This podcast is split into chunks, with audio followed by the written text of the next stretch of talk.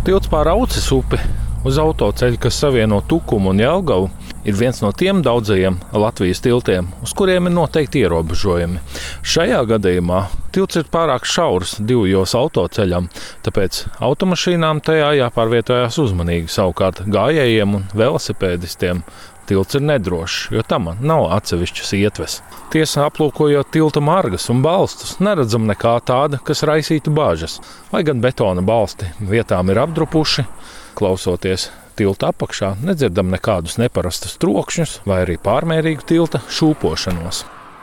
Nepieciešamības gadījumā uz šiem tiltiem, kas ir sliktā vai ļoti sliktā stāvoklī, tiek ieviesti dažādi veidi ierobežojumi. Tie var būt uh, masas ierobežojumi vai kādu gabarītu ierobežojumi.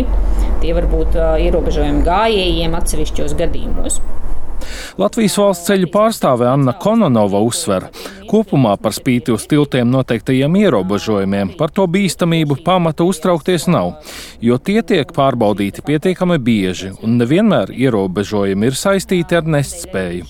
Tas var būt saistīts arī ar faktu, ka tilts ir kļuvis pārāk šaurs vai arī nepiemērots gājēju kustībai. Tāpēc, lai gan finansējums tiltiem un ceļiem tiešām ir pārāk mazs, runāt par daudzu tiltu slēgšanas nepieciešamību nebūtu korekti, uzsver Kononova. Nekavējoties, teiksim, slēgt tiltu, parasti nākās kādu dabas stihiju gadījumā, ja tie ir plūdi, piemēram, kas izskalo pamatus, vai arī gadījumos, ja ir notikušas kādas īpašas smagas avārijas, piemēram, uz tilta vai zem tilta ir smaga kravas tehnika, kāda nogāzusies. Savukārt pārvads uz Liepājas šosejas pār Jālgavas tukuma dzelzceļu ir viens no tiem objektiem, kurā skaidri redzam, nav gluži tā, ka valsts tiltus būtu atstājusi novārtā. Šeit ir svaigi pabeigti remonta darbi, jauns uzbērums, kvalitatīvs asfalts. Lai gan uz tiltu nav gājēju ietves. Gājēji var izmantot ceļu nomali, kur no automašīnu plūsmas atdala izturīga jauna barjera.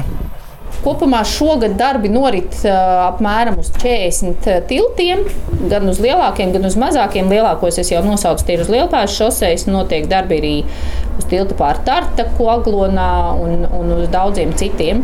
Pagājušajā gadā ir pilnībā pārbūvēts tilts pāri Mazo Juglu, braucot no Rīgas uz ērgļiem netālu no upes ciema. Latvijas valsts ceļu pārstāve vienlaikus gan uzsver, ka kopumā uz lielākajiem valsts autoceļiem, kuru remontam iespējams piesaistīt Eiropas Savienības līdzekļus, tiltu, pārvadu un caurteku remonts notiek vienlaikus ar ceļu remontu. Tomēr būtiska daļa no tiltiem atrodas arī uz pašvaldību un citu īpašnieku ceļiem. Latvijā kopumā visu ceļu kopējais garums ir 70 000 km. Un no tiem valsts pārziņā ir uh, 20,000 uh, km ceļu, Tostarp arī tilti un tie kilometri, kurus veido tiltu kopējais garums. Pārējie tilti un ceļu kilometru pieder dažādiem īpašniekiem, pašvaldībām, privātpersonām un juridiskajām personām, mežģiniekiem daudz ceļu pieder. Lai gan kopumā Latvijas valsts ceļi pārzina situāciju arī uz citu īpašnieku ceļiem, par to infrastruktūras drošību un iespējamajiem ierobežojumiem jau ir atbildīgi paši īpašnieki, uzsver Anna Kononova. Ceļu īpašnieki pilnībā atbild atbild par šī sava ceļa posma uzturēšanu un arī par te, tā tehnisko stāvokli un kā, drošību stāvokli. Protams, tāpat kā lielajās pilsētās ielas uztur pilsētu pašvaldības, tā arī novados pils, novedu ceļus uztur un atbild par, tieši par pašvaldības ceļiem pašvaldības. Tomēr tieši pašvaldībām, kuru pārziņā ir lielākā daļa autoceļu tīkla tiltu uzturēšana, ir krietni smagāks uzdevums, jo tradicionāli tieši pašvaldības saņem mazāko daļu no valsts finansējuma ceļiem un tiltiem, un tām nav būtiski iespēja piesaistīt papildus līdzekļus. Pašvaldības savienības vadītājs Andris Jaunslēnis, tiekoties ar satiksmes ministru, norādīja, ka pašvaldību transporta infrastruktūras finansēšana būtu jāizvirza starp valsts prioritātēm, jo bez tām citu prioritāšu, piemēram, drošības veicināšana, nav iespējama. Neviena no tām četrām prioritātēm bez ceļiem nespēja funkcionēt. Nevienu no viņām. Ja nav ceļi, tad arī tās prioritātes var nefunkcionēt. Tā kā ceļi ir ļoti saistīti. Un, nu, tas, ir, tas ir tiešām valdības jautājums. Viņai jāpaskatās, ko mēs varam arī šai lietai atļauties. Jo, principā, es domāju, ka arī pārējiem valdības locekļiem izpratni ir. Tiesa satiksmes ministrs Andrijs Matīs solīja, ka jau nākamā gada budžetā paredzēti papildus 35 miljoni eiro, no kuriem būtisku daļu saņems tieši vietējie ceļi un uz tiem izvietotie tilti. Tad, tad nākamā gada budžetā mēs paredzam papildus tā esošajai bāzē 35 miljonus, kur uh, lielākā daļa no šī finansējuma ir vietējo ceļu sakārtošanai, plus ir tiltu sakārtošanai. Tā ir vēl viena problēma, divi, divi, par ko mēs uh, šodien nerunājām, bet arī pašvaldību bilancē ir ļoti daudz tiltu, kas ir avārijas stāvoklī un kas principā būtu jāslēdz. Mums ir precīzas prioritātes, kuri ir šie tilti, kas būtu jākārto. Ja? Tad kopumā tie ir 35 miljoni eiro. Jaunas iespējas pašvaldībām atjaunot vismaz daļu savā pārziņā esošo tiltu gan pavērs nu pat valdībā atbalstītais noteikumu projekts, kas ceļu uz tiem izvietoto tiltu un citas infrastruktūras atjaunošanai paredz 126 miljonus eiro, piesaistot arī Eiropas lauksaimniecības fonda lauku attīstībai līdzfinansējumu.